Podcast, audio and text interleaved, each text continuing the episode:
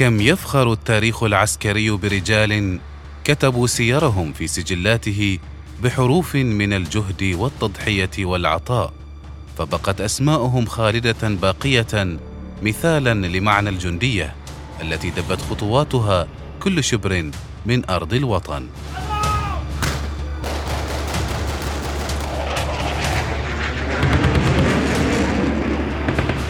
جنود برنامج أسبوعي نتعرف من خلاله على الجنود الذين ضحوا بحياتهم من أجل أوطانهم.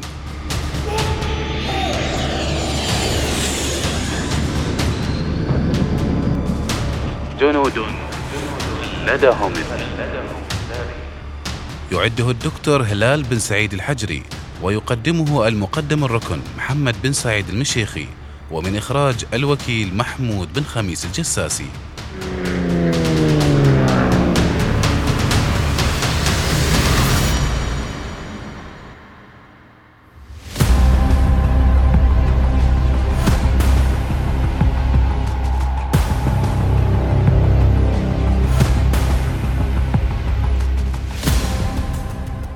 جنود خلدهم التاريخ.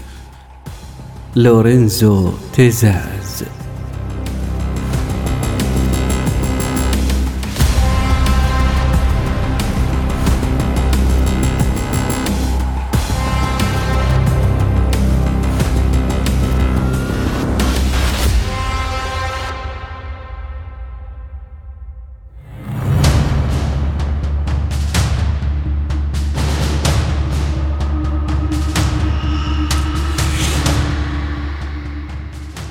يمكن اعتبار لورينزو تيزاز أحد الأبطال الأسطوريين للحرب الإيطالية الإثيوبية والتي استمرت من عام 1935 وحتى عام 1941 منذ يوم مغادرته وطنه في عام 1925 وحتى وفاته المفاجئة في السويد في عام 1946 عاش حياة غير عادية. قليل من الإثيوبيين من جيله استمتعوا بحياة مكثفة ومثمرة للغاية على مدى واحد وعشرين عاما. وساهم بأكثر من نصيبه في تحرير إثيوبيا من الفاشية الإيطالية. ومع ذلك فإن الجيل الشاب من الإثيوبيين الذي نشأ بعد الحرب يجهلونه تماما تقريبا.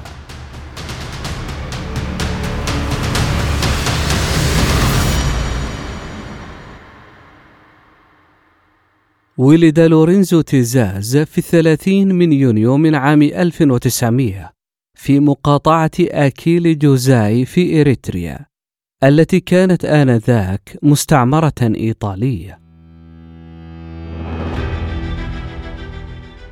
تلقى تعليمه الأول في المدارس الإيطالية في أسمر وكرن وبدأ حياته المهنية مع الإدارة الاستعمارية الإيطالية في سن مبكرة جدا.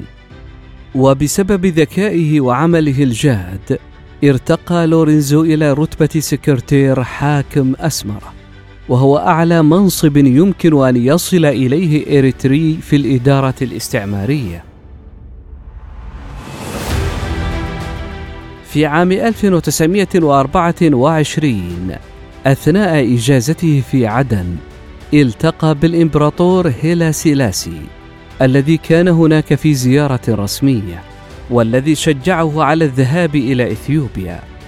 وبعد مرور عام ذهب لورينزو إلى أديس أبابا حيث تولى هيلا سيلاسي ترتيب تعليمه وأرسله مع إثيوبيين آخرين إلى فرنسا في منحة دراسية حكومية.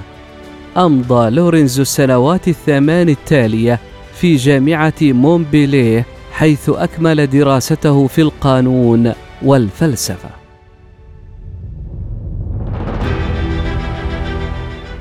وبصرف النظر عن موطنه تغرينا كان يتحدث بالفعل الأمهرية والعربية والإيطالية. لكن مونبيليه أتاحت له أيضا فرصة لإتقان الفرنسية والإنجليزية.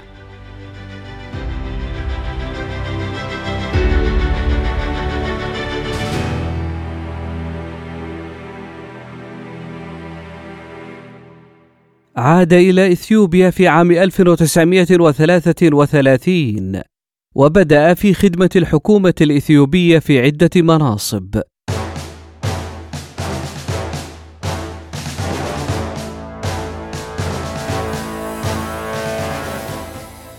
سكرتير وزارة العدل في عام 1933 وعضو في لجنة الحدود الأنجلو إثيوبية التي رسمت حدود إثيوبيا مع أرض الصومال البريطانية السابقة من عام 1933 إلى عام 1934 وعضو في نفس اللجنة المكلفة بمهمة مسح أراضي الرعي في أوجادين والتحقيق في أسباب حادثة وون عام 1934 والتي أدت إلى الحرب الإيطالية الإثيوبية بين عام 1935 وعام 1941 ثم تعيينه سكرتيرا خاصا لسيلاسي.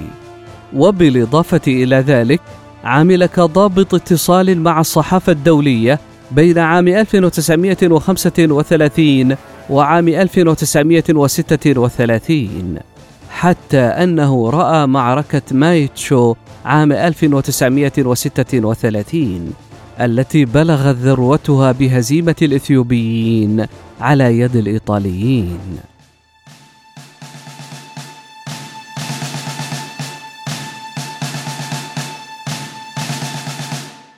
ورغم أن هروب لورينزو من إريتريا كان مدفوعا إلى حد كبير بواقع المستقبل الفارغ في وطنه فإن موقفه المتصلب ضد الفاشية يبدو أنه كان مستوحى إلى حد كبير من تجربته المبكرة من الإذلال المستمر والتمييز العنصري. تلك الذكريات المؤلمة عاشت معه لسنوات عديدة. في تلك الأيام كان هيلا سيلاسي بحاجة إلى شباب إثيوبيين متعلمين لمساعدته في برنامج التحديث، وأرسل العديد منهم إلى أوروبا لدراسة الأساليب الأوروبية في الإدارة والعلوم والتكنولوجيا.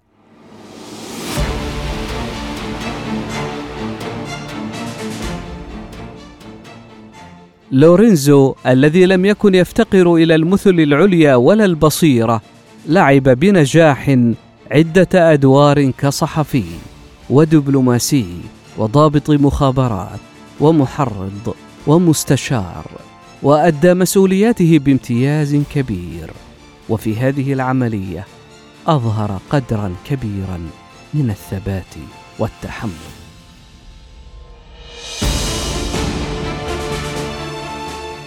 فلا أحد يستطيع أن ينكر الدور الرئيسي الذي لعبه في تحرير إثيوبيا. ولكن أكثر من أي شخص آخر لا بد أن التزام لورينزو بالواجب هو الذي عزز إيمان هيلا سيلاسي بالتعليم. ومن خلال توصيل رسائل الإمبراطور إلى مختلف قادة المقاومة زود لورينزو الحركة بشعور بالاتجاه وساعد في تنسيق النضال الداخلي والخارجي ضد الفاشية الإيطالية. وكلما نشأت خلافات بين القادة من خلال مناشدة حسهم الوطني والتوسط في صراعاتهم ساعد في ظهور قوة قتالية متماسكة وهائلة نفذت عمليات حرب عصابات مدمرة ضد جيش ميكانيكي كان يعتبر في ذلك الوقت لا يقهر. إذا كان بوسع آلاف الفلاحين أن يتحولوا إلى جنود بين عشية وضحاها ويقاتلوا بشجاعة لا حدود لها ويقلبوا مجرى الحرب فإنهم مدينون بذلك لقدرة لورينزو التنظيمية والتحريضية وللأسلحة التي وزعها عليهم في الأوقات والأماكن الحرجة. وإذا تمكن الجنود الإريتريون الذين كانوا في خدمة الفاشية من ترك الجيش الإيطالي والانضمام إلى قوات المقاومة الإثيوبية فإن ذلك كان جزئيا بسبب معرفتهم بوجود لورينزو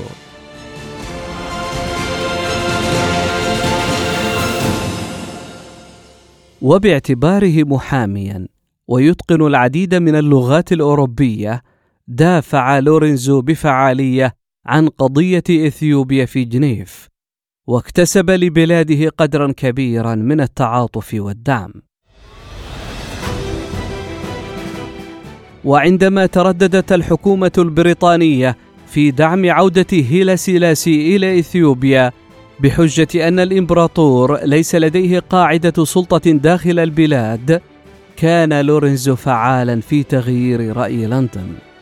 ذهب إلى إثيوبيا المحتلة من قبل الإيطاليين وجمع توقيعات عشرة آلاف من أعضاء المقاومة المهمين الذين أكدوا ولاءهم للإمبراطور وأقنع البريطانيين بالموافقة على هيلا سيلاسي فهل من عجب إذن أن يتمكن رئيس الوزراء الراحل اندال كاشيومي كونن من تخليد اسم لورينزو في خطبة الجنازة من خلال الإشادة بذكراه بكلمات مناسبة وتستحق في نفس الوقت.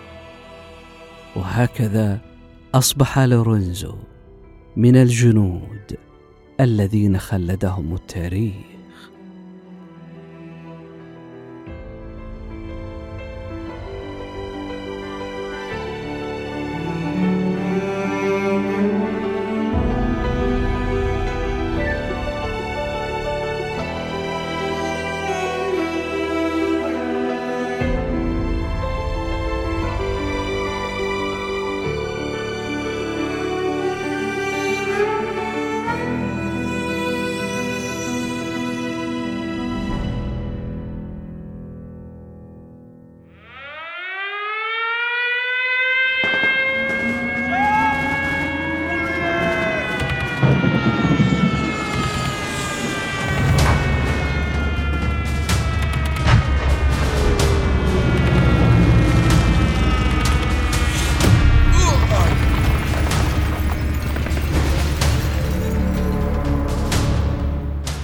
كم يفخر التاريخ العسكري برجال كتبوا سيرهم في سجلاته بحروف من الجهد والتضحية والعطاء فبقت اسماءهم خالدة باقية مثالا لمعنى الجندية التي دبت خطواتها كل شبر من أرض الوطن.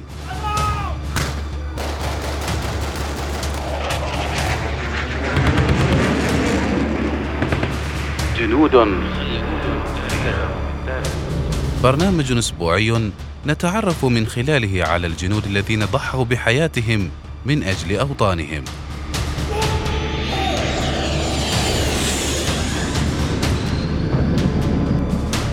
جنود لدهم.